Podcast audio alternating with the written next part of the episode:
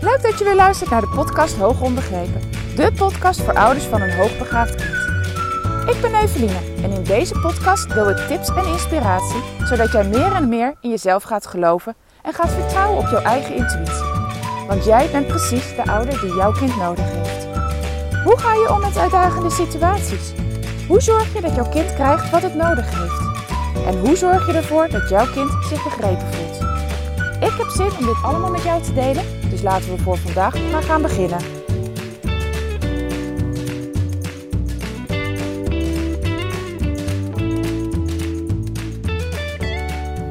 Ha, lieve luisteraars. Yes, ik ben er weer. Een nieuwe podcast. Ik ga het vandaag met je hebben over in hoeverre je kan vertrouwen op je moedergevoel.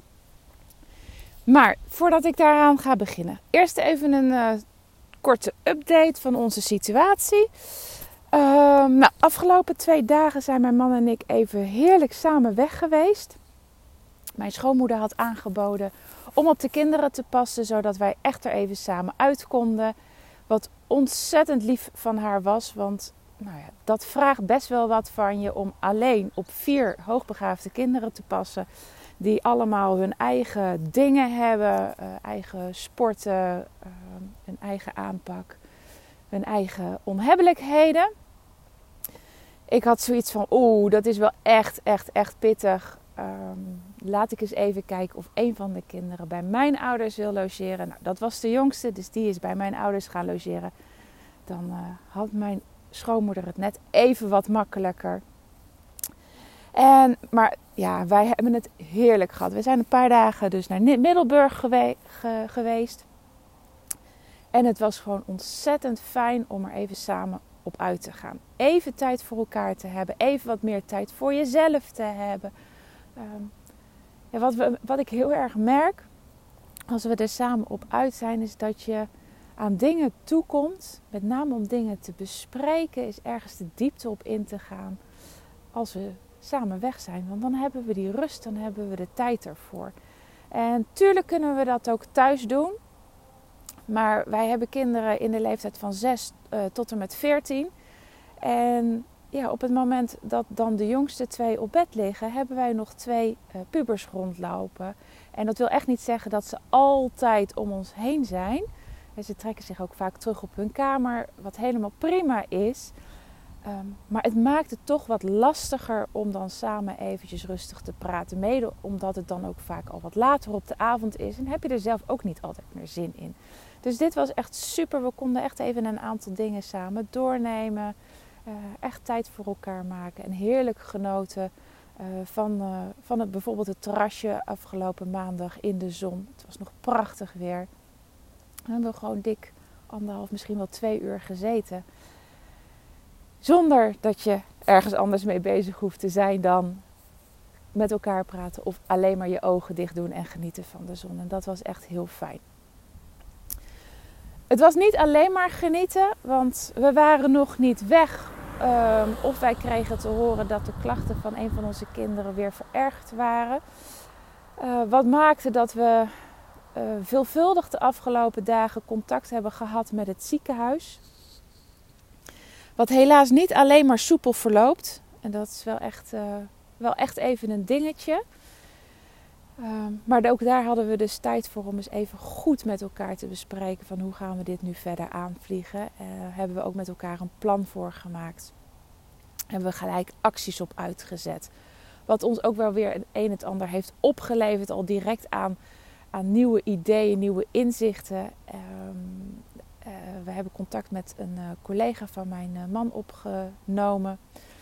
Um, en zij gaf aan, goh, hebben jullie al eens een keer aan die en die ziekte gedacht? En misschien is het een idee om daar ook eventjes onderzoek naar te laten doen. Dus dat pad zijn we direct ingegaan. Um, in eerste instantie nog niet via het ziekenhuis, omdat dat allemaal tergend traag gaat. We hebben het er wel neergelegd, maar ja, voordat dat dan weer intern besproken is en je dan weer een terugkoppeling krijgt. Ja, dat duurt mij te lang. We, hè, we zijn nu al dik twee maanden onderweg. En eigenlijk weten we niet veel meer dan wat het niet is. Um, dus we hebben um, contact gezocht weer met onze huisarts. En gelukkig hebben we een hele goede huisarts ehm, die zoiets had van, nou weet je, uh, de eerste stappen kan ik in ieder geval ook met jullie zetten. Dus laten we dat dan maar gelijk, uh, ja, laten we die weg maar gelijk gaan bewandelen. En dat is ontzettend fijn als je iemand vindt en iemand hebt um, op wie je kan bouwen, die met je meedenkt en die ook alles wat je aangeeft serieus neemt. En dat hebben wij echt, daar hebben we het echt gewoon goed getroffen met onze huisarts. Um, en ja, dat is even het punt voordat ik naar het onderwerp ga waar ik het eigenlijk vandaag met je over wil hebben. Wat ik misschien dan ook nog wel naar je toe wil maken.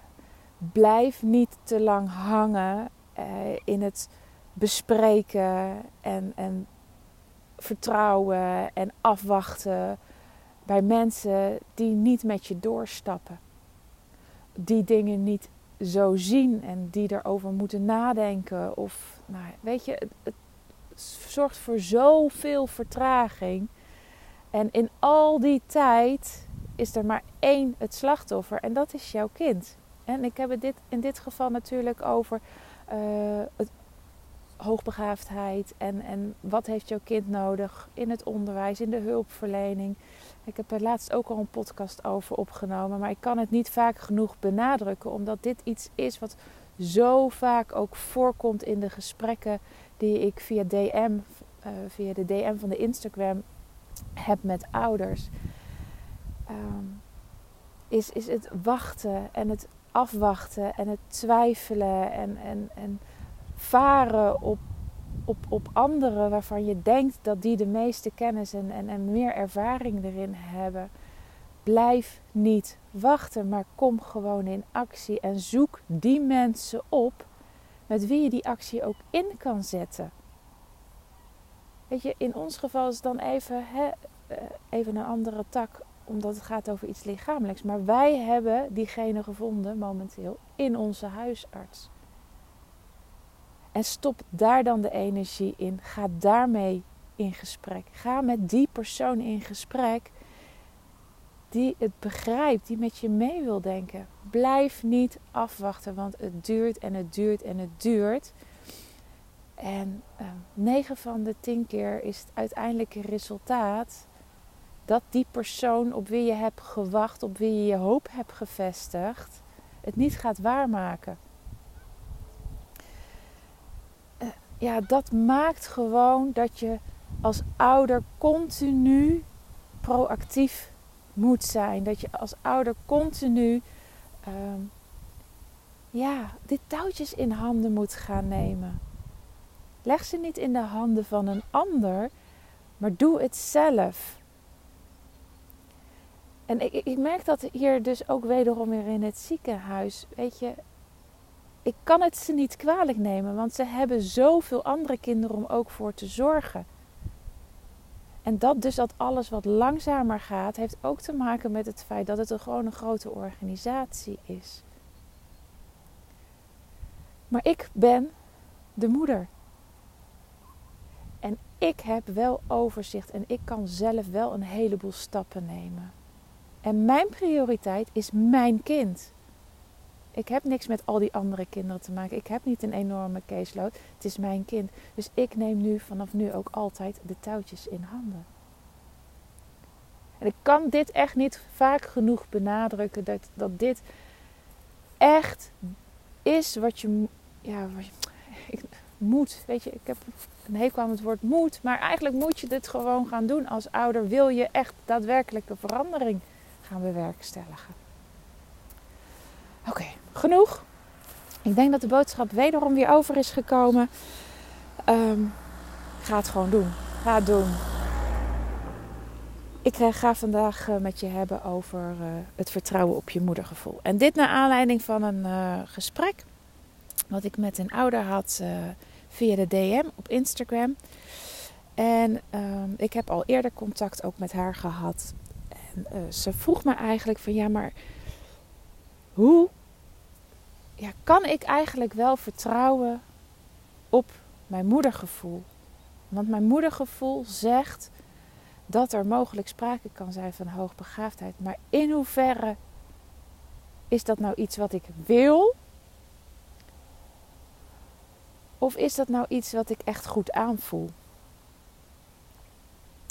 En ehm, ik weet dat, er, dat, dat zij al een heel aantal acties heeft uitgezet. Hè? Uh, nou, chapeau, want uh, uh, die afwachtende houding had haar ook niks opgeleverd. En um, het gaat hier om veel meer dan alleen de vraag: ja, kan ik wel vertrouwen op mijn moedergevoel? Er zit eigenlijk altijd wel iets onder. Er zitten altijd bepaalde overtuigingen, bepaalde ideeën, bepaalde uh, zaken die je van, van kleins af aan al hebt meegekregen onder.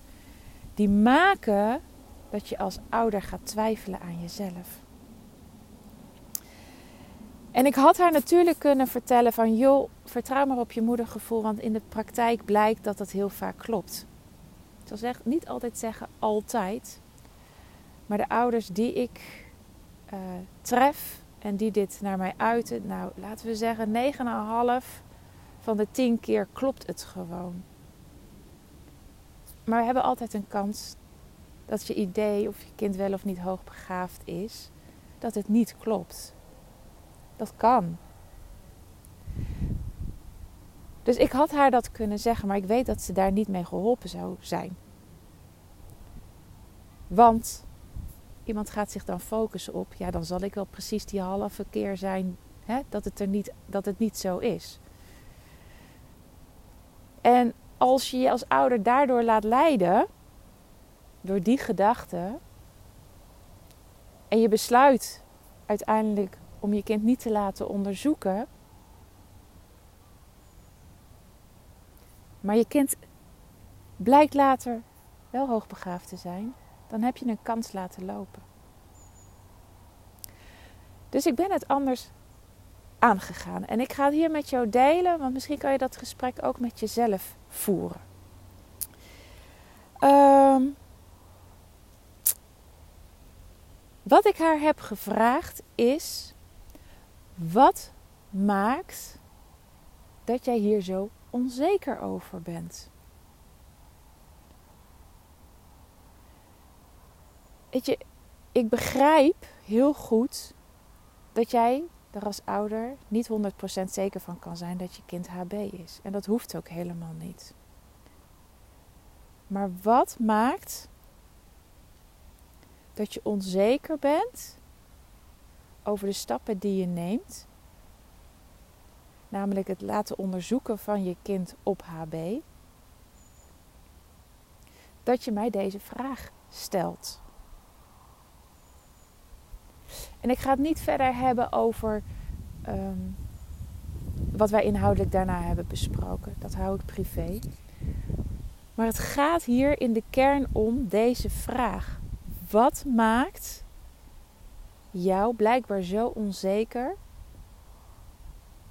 dat je je afvraagt of je je moedergevoel wel moet volgen. En daar zitten bepaalde overtuigingen onder. Er zitten bepaalde gedachtegangen achter.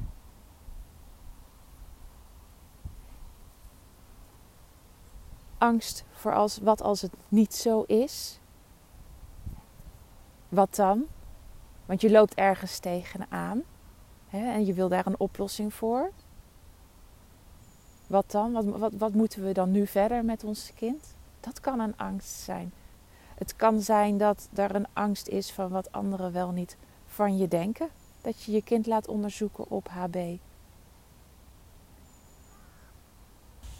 Ja, sorry voor de onderbreking, maar daar ben ik weer. Ik had het over de twijfel. Twijfel die je dan hebt over uh, of je het allemaal wel goed ziet. Of je de kenmerken wel goed ziet. Of je het niet overdrijft. Uh, maar soms is er ook een angst die eronder ligt om. Oké, maar wat als het er wel uitkomt? En alles wat ik dan daarna moet gaan doen, aan stappen moet, die ik moet gaan zetten. In gesprekken met school moet gaan, moet ik opkomen voor mijn kind. Weet je, er kan zoveel onder liggen. Maar wat is voor jou nu de kern dat je twijfelt Wat is nu? Wat maakt er nu? Welke angst zit eronder? Welke overtuigingen zitten eronder? Dat je twijfelt aan de stap die je neemt of die je wil nemen. Wat weerhoudt jou er nu eigenlijk van? Dat is een hele interessante vraag om eens een keer aan jezelf te stellen. Als dit iets is waar je al heel vaak aan gedacht hebt, wat ook de reden is waarom je mijn podcast beluistert. Ga daar eens echt eerlijk en open naar jezelf antwoord op geven. En als je open en eerlijk bent geweest en je weet wat jou tegenhoudt, dan is het heel interessant om het gesprek met jezelf aan te gaan of jij je hierdoor nog langer wil tegenhouden. Of dat het niet gewoon veel eerlijker naar jezelf en naar je kind toe is om nu gewoon een keer door te pakken en die stappen te gaan nemen. Want weet dat als blijkt hè, dat je kind niet hoogbegaafd is, een onderzoek nog steeds meerwaarde heeft. Meerwaarde in die zin dat je weet welke kant je in ieder geval niet op hoeft te denken. Maar ik weet uit de onderzoeken die ik zelf doe dat er altijd aanwijzingen zijn om verder mee te kunnen. Er zijn altijd zaken die naar voren komen in zo'n onderzoek, die weer aanleiding geven om met elkaar in gesprek te gaan, om verder met elkaar te kijken, om de weg te vinden waardoor jouw kind wel weer lekker in zijn vel komt te zitten. Waardoor het wel beter gaat. Dus alleen maar denken dat er uit zo'n onderzoek komt geen HB, oké, dus eigenlijk is het onderzoek waardeloos geweest, is zonde om te denken. Want zo is het niet. Hoe ik het zie is als je op zoek bent naar wat jouw kind nodig heeft om zich weer prettig te voelen, lekker in zijn vel te voelen, om zich gelukkig te voelen, dan ja, dat kan je vergelijken met een ui. Je haalt er steeds een laagje af om uiteindelijk tot de kern te komen. En je moet ergens beginnen. En alle stappen die je hebt genomen in het verleden, die nog niet toe hebben geleid dat die ui helemaal afgepeld is en dat je tot de kern bent gekomen, is niet weggegooid, is niet waardeloos geweest. Het heeft je dichter bij de kern gebracht. Het heeft je dichter bij je doel gebracht. Dus als jij al heel veel stappen hebt genomen, maar het heeft nog niks opgeleverd, dan ben je dichter bij je doel gekomen. En dan is de vraag: welke stap zet jij nu om nog dichter bij je doel te komen? Om uiteindelijk wel bij die kern te komen. Nou, en mocht het zo zijn dat je denkt: ja, ik wil nu toch echt, echt wel mijn kind laten onderzoeken. Ik heb al lang genoeg getwijfeld. Ik ben er nu wel van overtuigd dat dit de eerstvolgende stap is die ik moet zetten. Weet dan dat ik nog uh, plek heb in november. Mijn uh, online agenda staat open. Dus dat betekent dat je zelf een afspraak kan inboeken. Ik zal de link voor het inboeken van een afspraak um, in de beschrijving van de podcast neerzetten. Heb je toch nog steeds, ook na het beluisteren van deze podcast, enigszins twijfel? Of heb je vragen over het verloop van een onderzoek bij mij? Of heb je een andere vraag die hieraan gerelateerd is? Stel hem. Je kan altijd contact met mij opnemen. Dat mag dus via de DM van Instagram.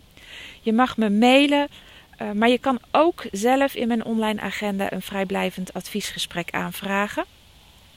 En dan kan je alle vragen stellen uh, in, uh, in de tijd die wij hebben. Ik trek altijd een half uur vooruit. En dan hebben we even telefonisch contact met elkaar. Nou, ook die link zal ik delen in de beschrijving van de podcast. Ik ga het hierbij afronden. Wederom dank je wel voor het luisteren. Uh, mocht deze podcast nou heel waardevol voor je zijn geweest um, en je luistert wel vaker podcasts van mij, wil je dan nog eventjes op Spotify uh, de podcast Hoog Onbegrepen beoordelen? Dat kan door het aantal sterren aan te klikken. Een kleine moeite voor jou. Heel fijn als je die voor mij wil nemen. Um, en ik, ja, dat maakt dat als je die stap, voor mij, die stap gaat zetten om even de podcast te beoordelen, dat ik makkelijker te vinden ben voor andere ouders. Nogmaals, dankjewel voor het luisteren en tot binnenkort. Doei doei!